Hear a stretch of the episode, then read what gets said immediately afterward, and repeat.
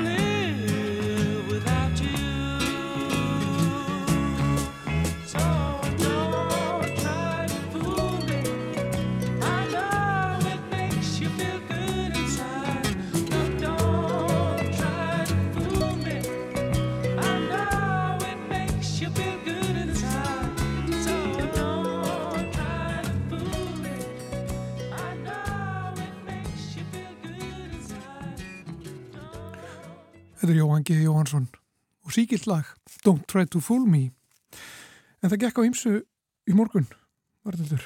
Já, við fundum hansi, hansi snarpan skjálta sem var aðeins öðruvísi en þessi sem við höfum fundið allavega hérna í efstalitinu áður. Það var svolítið mikið högg og e, Reykjanesið, já, virðist bara vaknað og allar ekkert að sopna aftur í, í bráð. E, það hvað svona við gamal kunnugt stefa á samfélagsmiðlunum eftir þennan skjálta, fólk að láta vita að það hefði, hefði fundið hann og e, svona ákunnir eftir skjáltar á liklaborðinum lesa hérna nokkur dæmi. Jarskjálti, var þetta jarskjálti? Æ, nei, ekki aftur, er gósið að hefjast. Holy moly, hvað þessi var sterkur og stóð í langan tíma. Ballið byrjað. Þetta eru svona dæmi um fæslu fólks á Facebook eftir hennan skjálta, en hvað segja jarðvísindavennir?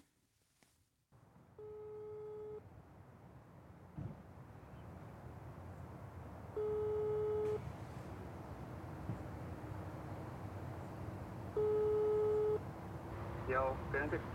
Já, blessaður, Arnildur hérna. Ég er komin á veðurstofuna. Já, sælistur. Ég kem það niður. Já. Já, ég er komin hérna á veðurstof Íslands á bústafveginum og ætla að heita Benedikt Haldursson, jarðskjáltaverkfræðing sem er á vaktinni, veit ég. Það reyði yfir ansið snarpur skjálti hérna uh, rétt fyrir 11 í morgun. Fannst viða nokkuð vel á höfuborgarsæðinu og var svona öðruvísi. Blessaður. Ég er bara að spáði hvort að við ættum að kíkja bara á mælingarnar eða hvað finnst þér svona, hvað eru þið að gera núna? Er þetta allt bara búið að greina þetta í drepp? Nei, í raun og veru, þetta er bara svona í startálum en við erum komið með grunn parametruna en við erum bara komið upp. Jú, sem ger það. Það var í raun og veru vægur skjálti þannig. Já, daginn. Já, við erum komin hérna upp á skrifstofu uh, Benedikt svo þú ert hérna með tvo stóra skjái með myndum af þessum skjálta ekki sett. Jú, það er, þetta er svona fyrst og fremst bara átt að segja á hvar skjáltamiðjan er og hérna því að það í raun og veru segir okkur hansi mikið um hvers konar atbyrð þetta er og það sem við sjáum er það að hann er í núpslíðarhálsi eða þarna við á milli núpslíðarháls og, og sveifluháls á Reykjanesi hann sé stutt frá borginni og það er fyrst og fremst það sem stýrir því hvað hann finnst vel. En skjáltin er, er metinn á svona cirka fjóra og hálfan, fjóra komum fjóra. Það er ákveðin óvisa í þeirri tölu. En það sem við sjáum í mælingum og svona áhrifum hans að þá á okkar mæli hvað er þetta aldrei vægur skjálti með við það er skjáltastærði sem getur orðið á þessu svæði og hann er á flekaskilunum eins og við erum að búast í flestum tilfellum.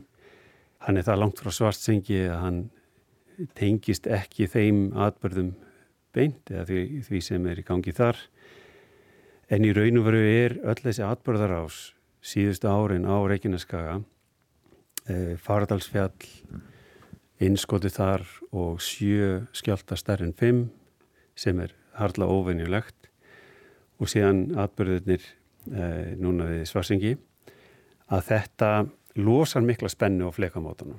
Flekamótanum er í raun og veru haldið föstum en þau losna og skrýða í svona skjáltum og við það að þau skrýða þá endur dreifist spennan vegna flekarhefingana. Þannig að þetta svona skjáltar, þegar, svona maður má segja þetta er viðbúið en nú... Gikk skjálti, hvað var þetta ekki kallað, hvað brot skjálti? Jú, þetta er sko við, við höfum verið að tala um það þegar það er kviku einskott í gangi að þá eh, er svona, eru spennu áhrifin af völdum þess þau, þeim eh, svona þeirra gætir víða. En fyrst og fremst næst því hvað einskotti er. Og í ákveðni fjarlag þá höfum við verið að nefna þetta sem gikkskjálta og þessi það er spurning hvort maður kalli þennan gikkskjálta eða í raun og veru brotskjálta á, á þverbrotabelti Reykjanes sem er þarna, það sem allir svona stærri skjáltar á Reykjanes skal verða á en við sáum það að eftir hérna eftir Fardalsfjall og núna í, í Grindavík og, og atbyrnum í Svarsengi að þeir gikkskjáltar sem við áttum von á þarna austan við þá gangin sem myndaðist 10. november þeir svona stökkva yfir Fagradalsfjall. Það er búið að losa það mikla spennu þar að, að svona e, það má segja að spennu útlósun hún fer handan Fagradalsfjalls milli Fagradalsfjalls og Kleðavas.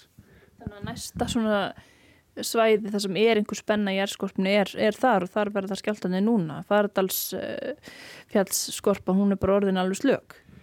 Já, það má segja að það sé, það sé búið að, hérna, að losa það mikla spennu þar já, að það sé kannski ekki innistæða endilega akkurat fyrir, við höfum séð það ekki fyrir um, mörgum skjáltum núna, það voru sjö skjáltar þar í farðarsfelli, stærri en fimm.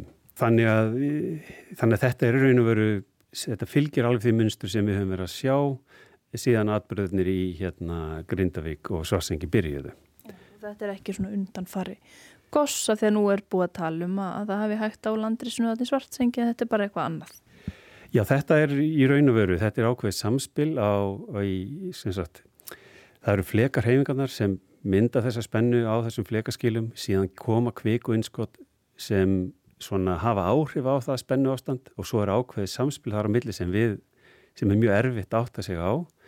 Það er svo sérstaklega að sjá fyrirfram að, eh, að þetta er eh, væntanlega bara áhrif þess að undarfarina þryggja ára og þá hérna aðböruna núna í, í Svarsengi að spennan er að endur dreifast þarna um, um Reykjanesið og þá má búast við svona aðbörðum eh, í næsta nákvæmni.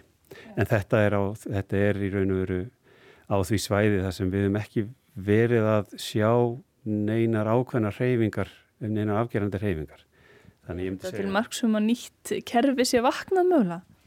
Já, það, það er kannski allt of snemt að segja til um það en, en við eigum vonaði að sjá svona skjálta í kringum svona innskottsatbyrði og út frá þeim. Ég myndi telja að þetta væri fyrst og fremst tengt flekarhefingunum og tímasetningin að þessum skjálta kannski tengd því að það er búið að vera mikil virkni þarna vestan eh, við þetta svæði á síðustu þreymur árum og ég held að það sé alltaf snemt að segja til um eitthvað annað.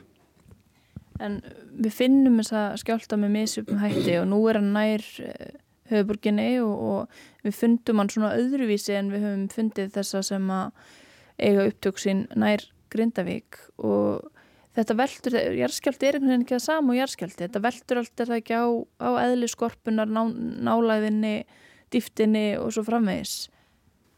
Jú, það, sko ég myndi segja að, að fjarlægðin í þennan skjálta sé afgerandi varðandi þessi áhrif. Við, hérna, það eru svona cirka 20-25 kílometrar í þennan skjálta frá höfuborginni og meðan það eru næstu 35-40 kílometrar yfir í, yfir í hérna, Svarsengi og við sjáum það hér á Íslandi að eh, áhrif skjálta að þau hækka mjög mikið eftir því sem maður er nær. Það, það, er, ger, það er eðli svona reyfinga en hér á landi þá hækkar þetta eiginlega meira en svona annar staðar.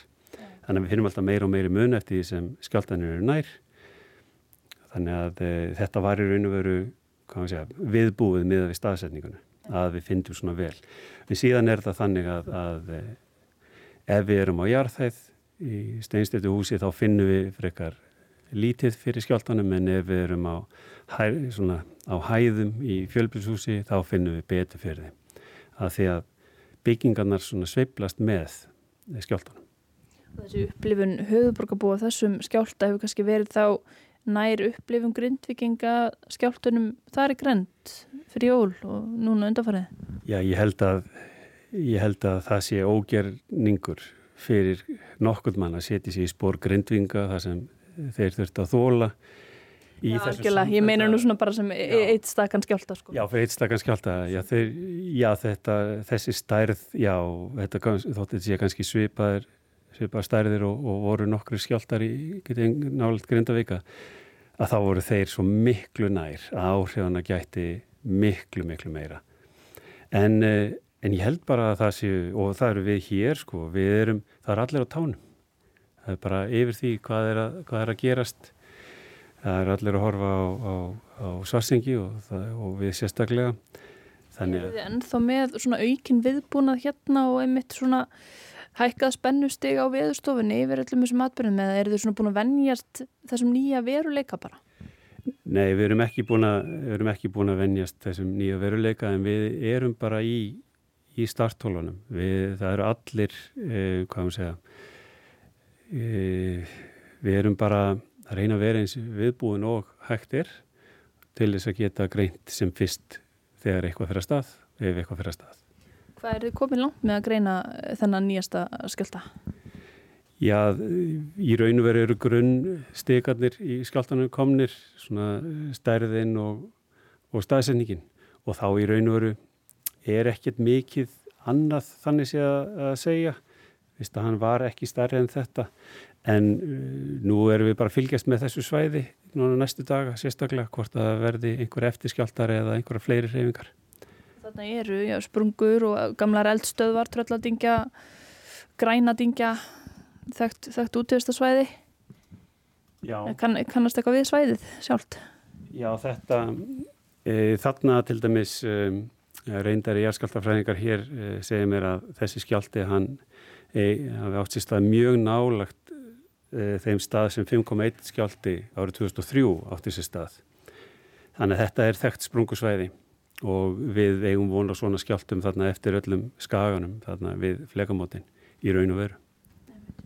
Uh, að lókum bara því að nú hafa verið í fjölmiðlum þessi skjáltar, þessi stóri skjálti sem varði í Japan uh, hann var svolítið sérstakur að því leiti að hann var svona vola langur og svona rugghreyfing í honum hvað er það sem að í rauninni veldur því að hann er svona ólíkur skjáltunum hérna eða, eða skjáltar, jarðskjáltar eru svona ólíkir hver öðrum Já, þetta snýst allt um tegundina á flekamótonum í raun og veru. Það eru mun stærri flekamót í, í Japan. Um, þrátt fyrir að margi skjálta þar verði ekkit ósveipaður og hér, en hér einskorðast skjáltarnir í raun og veru við, við flekamótina mestu leiti. Geta stærstir orðir á brótabeltum Suðurlands og, og Norðurlands. E, á brótabeltum Reykjanes geta þeir líka orðið e, sæmilega stórir en þeir minka eftir því sem að fer frá Suðurlandinu yfir á Reykjanesið. Þá verðist svona mesta skjáltastærð minka þannig að það við erum vel í sveitsett hvað það varðar. En sem betur fer þá geta ekki orðið svona stóri skjáltar hér eins og maður sér út í heimi. Talið er að þeir verði stæstir hérna í kringum sjö, bæð á Suðurlandi og Norrlandi. Einmitt. Og við höfum alltaf farið yfir það. Við erum með ágætla velbyggð hús og, og ágætla búin undir, undir þessar stærstu skjálta sem geta komið hér. Já, jarðskjáltakröfur hérna hafa þróast mikið í gegnum árin og, og eru ja, ansi stífar, e, sérstaklega á, á Suðurlandi og, hérna, og reynsla okkar af e, hérna, jarðskjáltum á Suðurlandi og, og núna í Grindavík sínir í raun og veru að það er yfirlt minni skemmtir en við eigum vona á. Takk fyrir að gefa þér tíma í þetta spjall, Benedikt. Ég ætla að lifa þér að halda áfram að fylgjast með og vera hérna á, á vaktinni. Já, takk sem leiðis.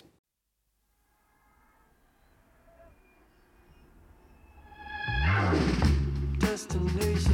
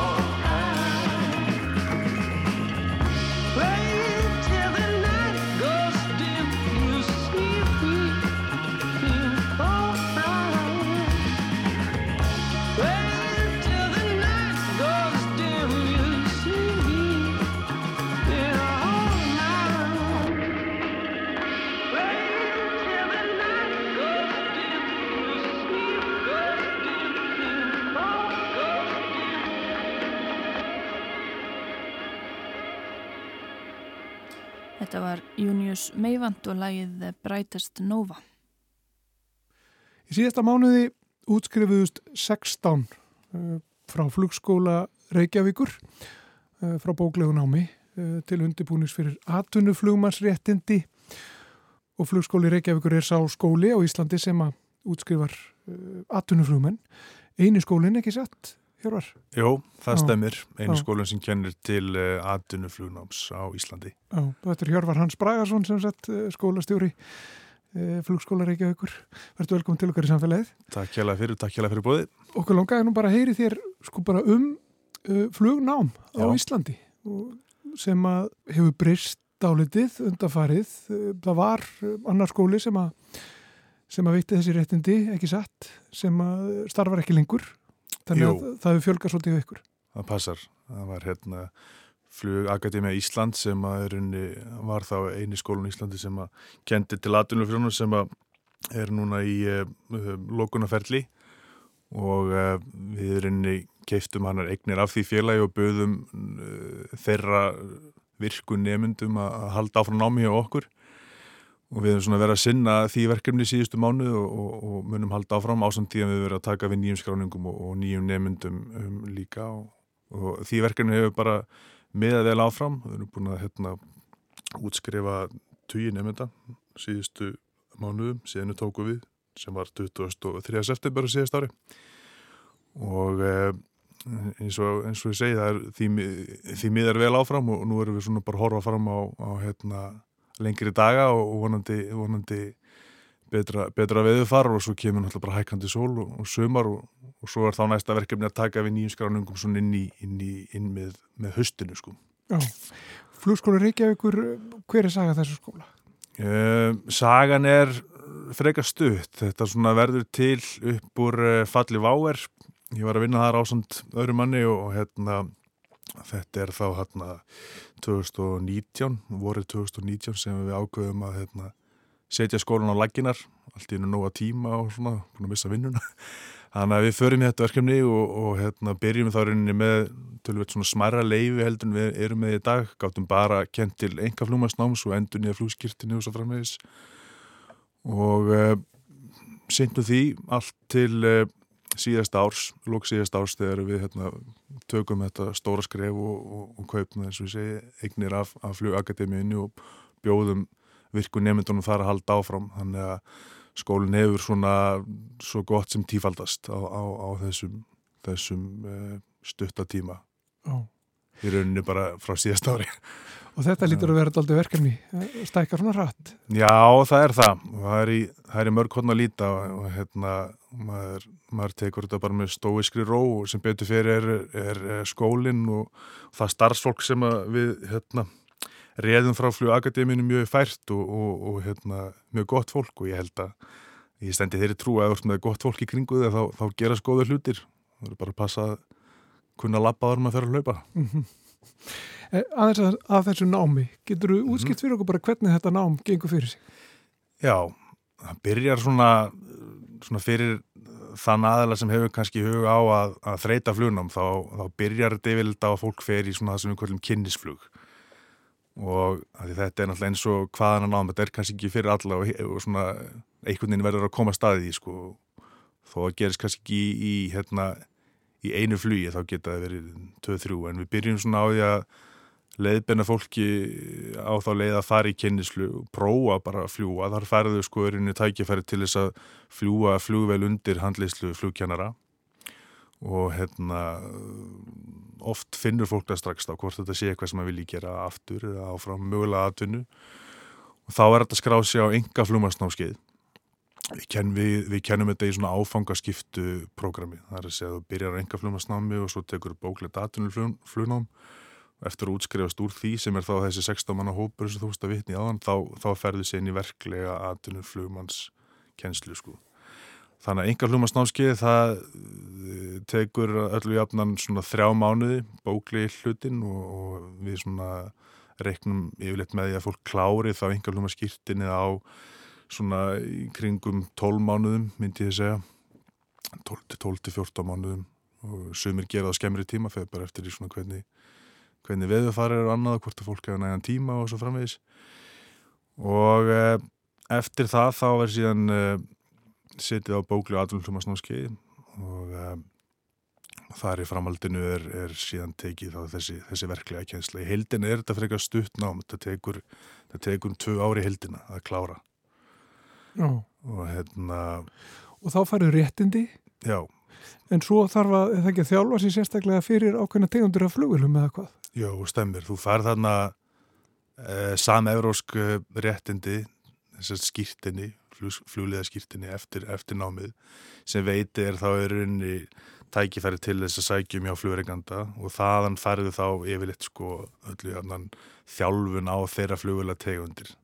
Það er þjálfun sem tekur svona kringu þrjá mánuð að klára. Það er þá snýr engungu aðrunni típunni sem ert að fara að fljúa. Já. Bóklega námið felur hvað í sér? Um, það er mjög svona viðþemt nám sko. Þetta eru eins og fyrir atvinnulhumasnámið er þetta 14 fög. Það er, það er til dæmis uh, lögureglur, það er eðlisfræði, það er uh, dálítið af hérna, líffræðirunni, það er svona bara þeim sem er snýrað sko líkamannum. Það er afkast að geta, það er siglingafræði, veðufræði og, uh, og fleiri. Í heldin er, er þetta sko 14 fög og, og eins og ég segi, þetta, þetta, er, þetta er svona, það er þreifað á, á ansi mörgu. Margi myndu kannski halda að þetta væri bara flugvelar og bara vélfræði, en, en það er bara eitt, eitt fag af, af hérna 14-urinni sko. Svo er talað um að menn safni tímum Já, og það er mjög mikilvægt, er það ekki? Að það er þjálfunin, það er æfingin jú, jú, það er kannski hefur svolítið liðið undir loka á síðustu árum. Þetta var uh, tölvert meira um þetta þegar kannski svona gróskan í þessari búgrein var ekki jafn mikil, þá voru oft sko 500 tíma kröfur, það er áður voru 1000 tíma kröfur. Þetta svolítið, þetta svolítið, hérna, þetta fjaraði svolítið út svona með upp, uppvextinum sem átti þessi staðin í kringum 2016, 17, 18 þá eru til dælulega engar tímakröður eftir. Þú útskrifast með úr námur útskrifastu með um 200 tíma. Og söm flugfélög hafa ekki lengur tímakröður en taka, taka fólkin bara nýkomuðu námi. Þetta er aðeins öðruvísi í Ameríku ennþá. Það eru 1500 tímar sem fólk þarf að hafa áður en að geta sótt um hjá öðrunni þessum stóru flugfélögum sko. Þannig að það er svona, það er smá breyting. Og þetta er svona, þetta, þetta hefur bara breyst mjög hratt á síðust árum. Oftar en ekki er þessi stærstu flugfélög eins og bara, horfum til Európu, þau, þau, eh, þau hafa vanan á að hafa við kallum kadett-prógram, þá taka þau fólk inn sem að kannski er ungt að aldri og hefur, ekki, hefur aldrei flóið og þjálfar það alveg þangað til að tilbúa stíga um borið þóttu. Rauninni, það te tekur þig sko með, með vilirði um, um starf frá, frá fyrsta degi. Já, og það er einhvers konar samningur sem að fólk Já. er þá á og, og skuldbyndur sér til þess að vinna fyrir flugflæð. Já, í rauninni sko. Þau, þetta er svona bráku umsónaferli og þau eru misjöfn en það er svona verið að svona, svona til slett að skrína fólk sko. Svona set, set, setja fólk í alls konar aðstæður og próf og greinda próf og, og hérna og e, persónleika próf og sálfræðimöt og svo framvegis og, og, og svo er einhverjir sem, sem að hérna, standast þessa síu og fá þá inn í prógramið og byrja þá í flugnámi og klára flugnámið og fara í gegnum þessa típur þjálfanir sem við töluðum um áðan og, og þaðan beint í vinnu sko. Og þetta var svona tilkomið með uppvextinu sem var í, í fluggerunum hérna í, í, í, kringum þetta tímabili sem ég var að tala um 2015, 16, 17, 18 og virðist enn lifa góðu lífi hérna, en þá En þá spár flugvela framleiðanda sem er svona það sem er, er helst hort í er að, hérna, að það verði skortur á flugmunum þannig að flugfélögin hafa, hafa stöðst við þessa leið og gera, gera enn en þann dag þetta bara til þess að mæta þeim áskorunum sem að fylgir þeirra rekstri að stekka og, og svo framvegis. Já, en þetta er sveiflukendu bransi. Já, mjög. Ég myndi segja að það sé ekkit launungumál að hérna, hann hann fylgist og söflast bara eh, mjög mikið út af vitri aðstæðum. Getur komið hérna, já, segjum bara eins og elgós eða kreppa e, stríð öll þessi atrið geta haft áhrif á, á bransan og, og hérna, þannig að hann söflast rætt í bára áttir. Það sem er kannski svona skemmtilega við það er að hvaðan er henni fljótur tilbaka eftir, eftir áfall, sjáum eins og til, til dæmis bara COVID, það sem að eh, til að mynda Æslandir fyrir nýri það að vera með 25 flugmenn. Það voru með kannski eitthvað stærri kringum 500 eða eitthvað slúðis öllum satt upp eins og bara víða annar staðar. Greinin, greinin lág bara í lamasessi út af heimsfaraldrinum og, og, svo sjáum við það bara til til að stuttu setna eins og í dag. Þá er Æslandir held ég komið eitthvað staðar kringum 600 flugmenn aftur á svona til til að stuttum tíma. Þannig að seiflunar eru miklar en þær geta, þær geta jafna sig uh, jafnast út ansi, ansi hratt sem betur er. Eh, Það er, þetta er náttúrulega svona þetta, þetta er bransi sem að býður upp á það að þú getur unnið hvar sem er í heiminum, ekki satt? Jú, algjörlega. Og er það hluti af undirbúningnum eins og í ykkar skóla? Já, í rauninni þegar þú, þú klárar rauninni eins og hjá okkar flugskóla þá útskrifastu með þessi samverðarsku réttindi til þess að geta flóið annar staðar heldur en á Íslandi. Það er aðeins öðru þess að ætlar að fara sko vestur um haf þá vart að uh, hérna, breyta skýrtininu yfir ameri skýrtinu en það er hægt einhvað síður. Þannig að það eru möguleikar fyrir fólk sem vil kannski prófa að búa annar staðar og ég og fullt af vinnum og kunningin sem hafa gert það og, og, og líkar vel mörgum hverjum. Þannig að þetta er, þetta er tækifæri til þess að hérna, geta breytum aðstæður og lífstíl mögulega ef, að- ef, að- ef það er eitthvað sem fólki hugnast. Það hérna, þurfi ekki kannski vera einskorðað við það að búa, búa og lifa í Íslandi þó að það séu mjög margir sem velji sér það. En það skilja leitt hér, hér er mjög gott að bæði vinna og, og búa, finnst mér allavega persónulega. Það stundur tala um þessi dýrtnám Já, það er það. Þetta, þetta kostar mikla peninga að fara þetta nám. Eh, Af hverju er það og uh, þarf að einhvern veginn að styðja við fólk betur sem að sem að vill læra þetta? Eru, eru, eru námslánakerfi, hvernig, hvernig virkar þetta? Já, þetta er mjög góð punktur sem kemur inn á því að þetta er unni uh, hallar verulega á flugnám á Íslandi hvað þetta varðar. Uh, þetta er það dýrt nám að, sem að er tekið á eins og þetta til að stuttum tíma. Þetta er kannski tveggjára nám sem kostar um kringum 16 miljónir.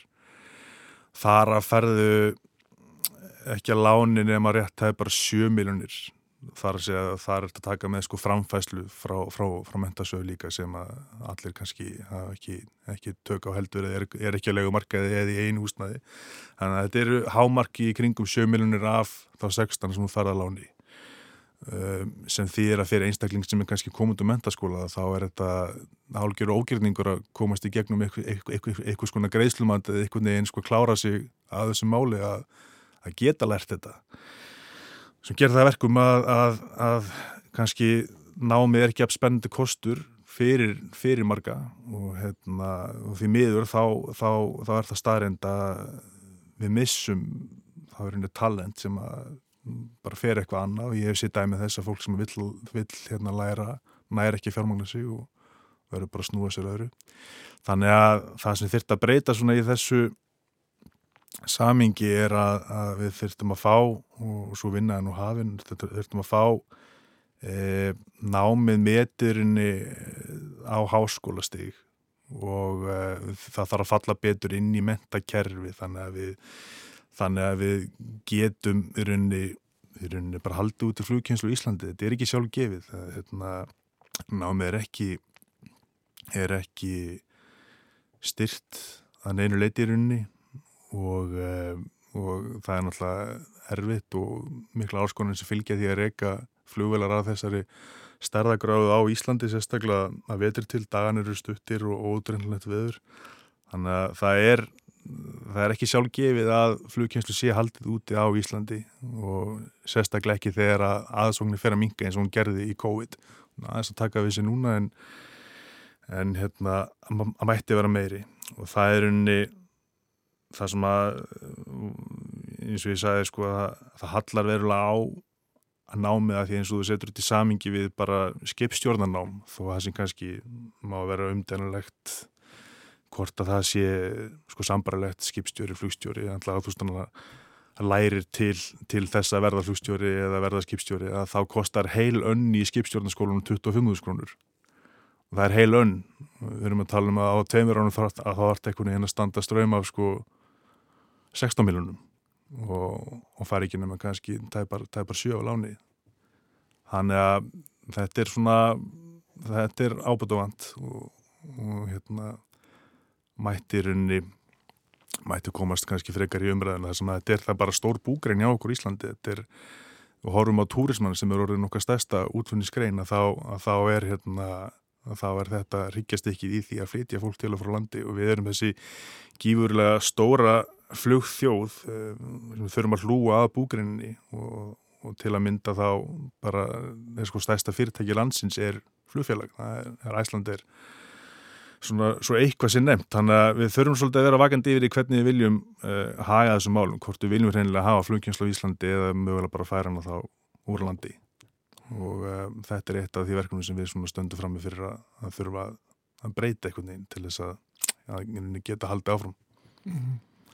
Hvað er svona dýrt? Fyrst og fremst uh, rekstur flugvela. Það er, uh, það er mikil kostnað þessu fylgir er eitthvað flugvelar sama hversu stórar eru. Ef þetta eru skráð loftföru þá þarf að tryggja þetta ákveðin háttar, ákveðinar viðhaldskröfur, svo náttúrulega er uh, launa og kjaramál hluta þessu líka, það er fjármagskostnaður, skýlistlega elsnitiskostnaður sem er náttúrulega eitt stæsti út, útgjaldaleðurinn og uh, svo er henni bara umhverfið í kringum þetta, að halda út í leifi sem er, er geð út af samgóðstofu er, er mjög flókið og dýrt. Og þarf að hafa ákveðna gæðakröfur og það þurfa að vera svona svo kallega postholderar sem að sinna því og, og hérna úttektir og önnur gjöld sem að leggja stofan á þetta. Þannig að það mætti lengi tína til, svo það alltaf bara varaluti alla fljóðular bila eitthvað líka. Það er óhjákamilegt þannig að þetta er, það er ansi mikið sem að, sem að telst til í kostnaðin af þessu sem, að, sem gerir þetta dýrun á mig Mm. Það eru 16 sem að útskrifast núna mm -hmm. í síðasta mánuði Já. frá ykkur. Um, hvar svona er þetta fólk uh, líklegt allt saman til þess að verða atvinnum flugmenn? Já, ég myndi segja það að nú var rétti tíminn til þess að vera læra og þau eru útskrifast á, á til dæla góðum tíma það er uh, uppgangur og, og, og, og allar spár gera ráð fyrir því að það uh, muni vanta flugmenn. Við horfum bara að hinga heim að þá núna á síðast ári þá í rauninni þegar við tökum við þarna nefndunum þá voru held ég uh, meiri hluti þeirra íslenskur flugfélaga sem hér starfa öll að auðlis eftir flug, flugmunum og þá getið talið til Norrlandir landlíkiskeisluna flugfélagið, eða sérst Æslandir innanlands, Æslandir í millilandaflugi og Play, og ég held að Atlanta er Atlanta að vera að ráða líka alltaf saman tíma. Og svo ef við horfum til uh, framtíðar að þá uh, gera spárin í sko til að mynda bara nefnir sem dæmi Æslandir þeir, þeir ætla að vera með á bylunu 70 til 100 flugvilar á árinu til ásins 2037 sem er hansi, hansi stór stækkun, held að sé kringu 40 velar í dag. Þannig að þar verður einhver vöndun á flumunum klárlega og svo á heimsvísu að þá gera framleiðendunir ráð fyrir því að það vanti um 600.000 flugmenn á næstu 20 árum og að flugmunum muni fjölga um rúmlega 4% á næsta áratug. Þannig að ég myndi segja að tækifærin séu góð og, og, og til þess að svara spurninguna þá þessi hópa sem útskrifast núna ekki ráð fyrir að, að þeir sem að standi sér vel í, í, í áframhaldandi námi og, og hérna, muni koma vel til greina hjá þeim flugurengandum sem að munum þurfa að ráða til, ráða til sín flugmenn. Mm. Sko ljúka sér svona Hjörvar Hans Bragarsson, skólastjóri flugskóla Reykjavíkur. Takk fyrir kominu samfélagið. Takk sem leiðist, takk fyrir mig.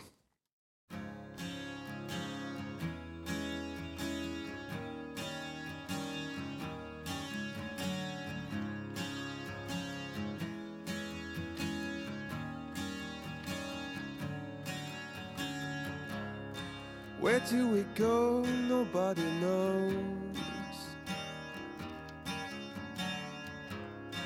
I've gotta say, I'm on my way down. God give me style and give me grace. God put a smile upon my face.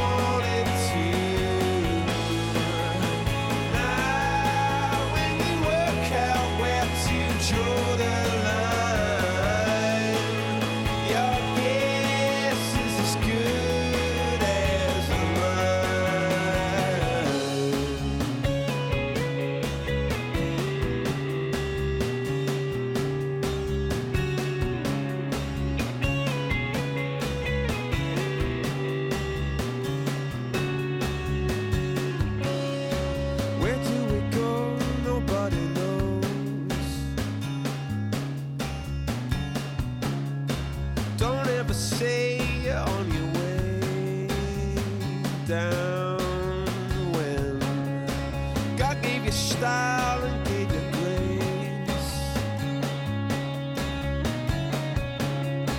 and put a smile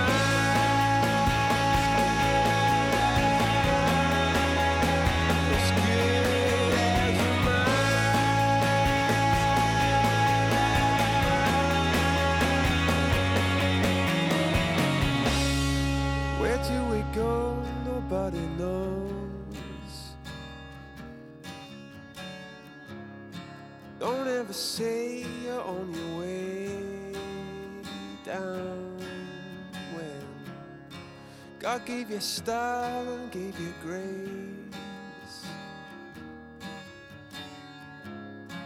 and put a smile upon your face. Þetta er lúrtin Coldplay og lag sem heitir God Put a Smile Upon Your Face. Við ætlum að tala af hana Eddu Holgudóttur hér eftir smá stund. Hún er komin í vísenda spjallið en fyrst ætlum við að heyra eina málfarsmínútu.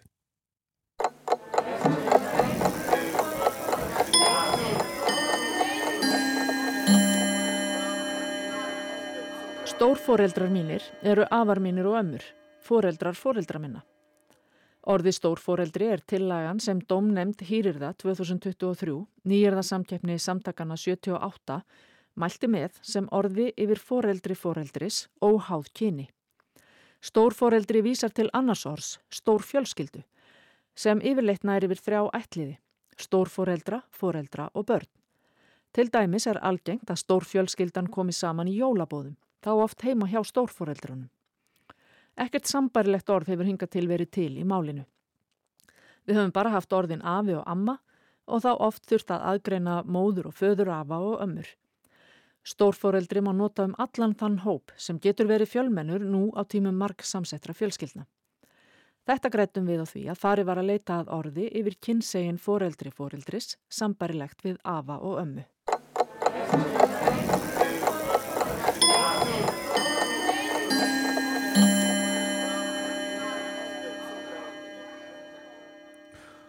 Það var Anna Sigriður Þráinsdóttir sem sá um málfarsmínútuna en þetta Olgudóttir er sest hjá okkur komin í sitt vísindarspjall ekki ein á ferð Ekki alveg, Nei, þú er með lítinn hjalta með þér einmitt. Hann ætlar að vera með okkur hérna, þið vitið þá bara af því að hann byrjar að öskra. Það er mikill heiður að fá hann hingað, svona ungan, Ég, hann, hann verðist mjög ánægð með þetta. Já, við erum velkomin bæðið tvö Takk fyrir. á nýju ári, Já. gleðs nýtt ár Gleðilegt nýtt ár. En hvernig ætlum við að byrja árið? Við í vísindarspjallinu? já, við erum að taka svona svolítið hérna gamla tuggu, við erum oft talað um síklarlefi og ónami, og, en það er bara ekkert, við erum ekki búin að leysa það. Og hérna, og það er ennþá ógn sem að vofir yfir okkur og er með þess að lista hérna World Health Organization yfir helstu ógnir sem að, ógnir mannkins af því að þetta er hérna eitthvað sem að er að ná meir og meiri útbreiðslu í heiminum. Og hérna við erum alltaf að sjá fleiri og fleiri greinar, það er verið að keppast við að finna ný síklarlif eða eitthvað sem getur tekið við af þessum hefðbundnu síklarlifum sem við notum í dag.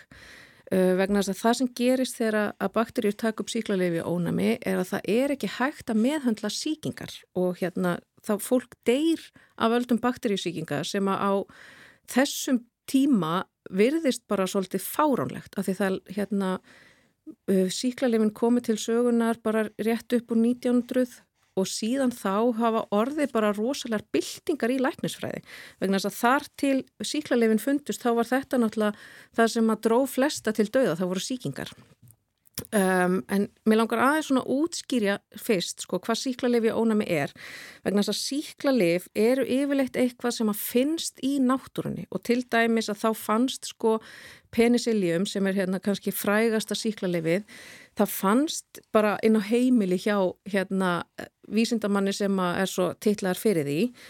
Uh, vegna þess að það er sveppur sem að tjáir þetta lif sem að drepur bakteríur í, í umhverfi sínu og það er svolítið mikilvægt að vita að það er þannig sem að síklarlif verða til vegna að það eru bara aðrar örverur sem að búa í samlífi við bakteríur og þær þurfa bara að venda sig í sínu vistkerfi. Og þess vegna búa er til þessi síklarlif sem að drepa þá bakteríunar og penicillium er til dæmis þannig að það hérna binst á uh, blokkinnar sem að byggja frumu veggin sem að bakteríur eru með og koma þannig í vegg fyrir að bakteríurnar geti klárað að skipta sér. Þannig að þær í raun og veru skipta sér og svo geta þær ekki klára frumu veggin og, og þá bara hætt, verða þær ekki til í raun og veru.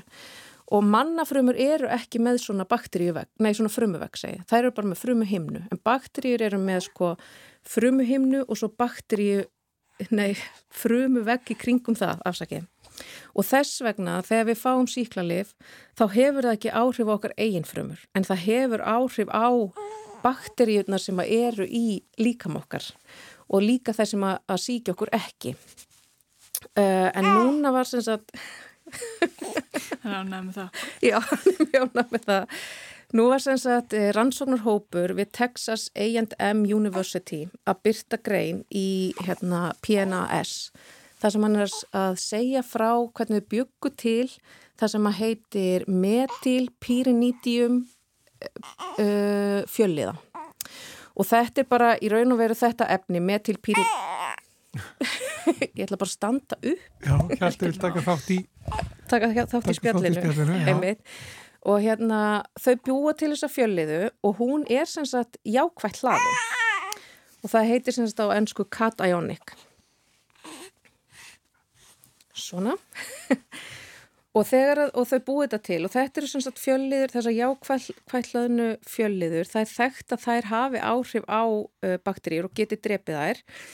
Og þau prófa sem sagt að nota þetta á þá bæði það sem heitir gramjákvæðar og gramneikvæðar bakteríur. Þeim er svona gróft skipt í tvent bakteríum, gram plus og gramneikvæðar uh, og það, það, það sem sagt hefur, uh, það segir til um hvernig vekkurinn er búin til, frumu vekkurinn. Og þessi fjölliða getur dreipið bæði Og svo er hún hérna prófaði fjölliðuna líka á rauðum blóðkornum í mönnum vegna þess að við viljum náttúrulega ekki að þetta hafi eitrunar áhrif á okkar frumur. Og þá kemur í ljós að þetta hefur lítil áhrif á mannafrumur. En málið er að þessar jákvætt hlöðnu fjölliður ástæðan fyrir því að þær hafa drepa bakteríur er vegna þess að samtalsleðslan á frumu himnu og frumu vegg er í raun og veru neikvæð og þannig að þegar þessi jákvæða fjölliða kemur að þá binst hún við neikvæð hlaðna frumu himnu eða frumu vegg og þannig í raun og veru eh, tekur bara virknina úr vegnum og, og frumu himninni. Það þýðir líka að þessi fjölliða getur í raun og veru ráðist á okkar eigin frumur. Vegna þess að, að heildar hlæðslan á okkar frumuhimnu, hún er líka neikvæð. En vegna þess að þessi fjölliða hefur eitthvað ákveðin svona struktúr til að fela plúsleðsluna að þá hérna, hefur hún minni áhrif á mannafrumur heldur en bakteríufrumur sem er mjög jákvægt því að þá getur vel verið að við getum nota þetta sem síklarlif í framtíðinni. Og ekki vannþurf á en það náttúrulega eru þau ekki eilíf þessi sigluleif. Nei, það er nefnilega málið. En svo það sem er sko líka jákvægt við þetta er að af því að sko í raun og veru er, er virknin svo breyðvirk af því að hún er ekki eins og til dæmis með penisilin þar sem að við erum að bindast við ákveðnar einingar í frumu vegnum að þá getur sko bakterían fundið sér eitthvað gen þar sem hún getur brotið niður þetta efni eða búið til eitthvað hindra á það en vegna þess að, að þetta síklarlif í raun og veru er mjög breyðvirt það bara, það bara hérna binst við hleðsluna í frumu himnunni og þar að leiðandi þá er í raun og veru mjög erfitt fyrir bakteríunar að finna eitthvað svona mótsvar við því af því að það, þetta er svo breyðvitt, það er svo margt sem að er að fara úr skorðum þegar að þessi jákvæða hlæðsla kemur til og þess vegna gæti verið að þetta sé síklarlif sem að lifir miklu lengur heldur um þessi hefbundnu síklarlif sem við erum með núna í nótkunn þar sem að, að hérna, við erum þó með miklu sko, sértækari virkni á bakteríur. Þannig að það er svona bæði jákvæðar og neikvæðar fréttir við þetta en allavega væri mjög jákvægt að fá eitthvað síklarlif þar sem að eru litla líkur á því að við hérna, sjáum fram á síklarlifi ónæmi Mm. og þá er hægt að nota það mun lengur. Og þetta vekur vonir um það, að það verið hægt. Já, þar sem vegna þess að virknin er svona, af því að virknin er þannig að það eru e, plúslaðin sameind að bindast við þessa mínusleðslu á frumu himnunni. Þannig að þannig erum við að komin kannski svolítið nálagt í að fá hérna nýtt síklarlif. En það, ég vil samt leggja áherslu á það líka, þetta er ekki eina síklarlifið í pípunum og það er alltaf verið að reyna að finna ný og ný síklarlif og þar á meðal er líka, sem ég finnst mjög spennandi, er verið að skoða það sem heitir bakteríufakar, sem eru sko veirur sem að ráðast á bakteríur og eru mjög sértækar á bakteríur. Og þegar að, að síklarleifin uppgötust hérna 1920 hvernig það var, þá var einmitt verið að vinna með að síkja fólk með bakteríufökum. En af því að hérna hinn síklarleifin uppgötust þá svona fjall það svolítið í, í, í lægð. Já, en það ætla að taka upp þráðin aftur þar líka. Já, nú er verið að taka upp þráðin þar aftur sko. Þannig að það er margt í deglunni til þess að reyna svona aðeins að, sportna við þessari ógn sem að, stæðja rað okkur. Já, og hún er raunveruleg og hún er mikil. Hún er mjög mikil, það er bara þannig og hérna, hún er náttúrulega, sko af því eins og ég var að segja, síklarleif koma úr náttúrunni og þess vegna er líka til þetta svar í náttúrunni, bakteríur hafa alltaf haft þetta svar við síklarleifjum. Núna er hún bara að breyðast út uh, vegna þess að bakteríur, eftir því sem að við notum meira síklarleif, þeim mun meiri þörf hef, hafa bakteríusamfélag fyrir það að, að, að vera með einhvers konar vörn gegn síklarleifinum og þess vegna er, er útbreyslan orðin svona mikil. Þannig að, að lausnin eru þetta að nota minna af síklarleifjum en það er bara ekki hlaupið að því og hérna, Það tekur undir þetta hérna. Já. já, hann er sammála mér og þá sérstaklega sko þarf að minka notkun á síklarleifjum þar sem þeirra er ekki þörf eins og til dæmis í landbúnaði. Þar sem að síklarleif eru rosalega mikið notuð þó að í raun og veru bara til að, að auka afurðirnar. Já, það með það. Við skulum láta þessu lokið. Eh, Takk fyrir þetta, þetta Og Hjalti. og Hjalti, takk fyrir komuna Hjalti er nú bara þryggja mánu Já, já, Já. hann er ímislegt um þetta að segja við þökkum allavega fyrir okkur. Já, takk fyrir þetta Þetta var fyrsta vísindarspjall ársins 2024 En við komumst ekki lengra með samfélagið í dag. Guðmundur Pálsson og Arneldur Haldanóttir þakka fyrir sig. Og það gera sjálfsagt þetta Olgudóttir og, og Hjalti litli líka. Já, Við heyrust á morgun. Gerum það. Verið þið sæl.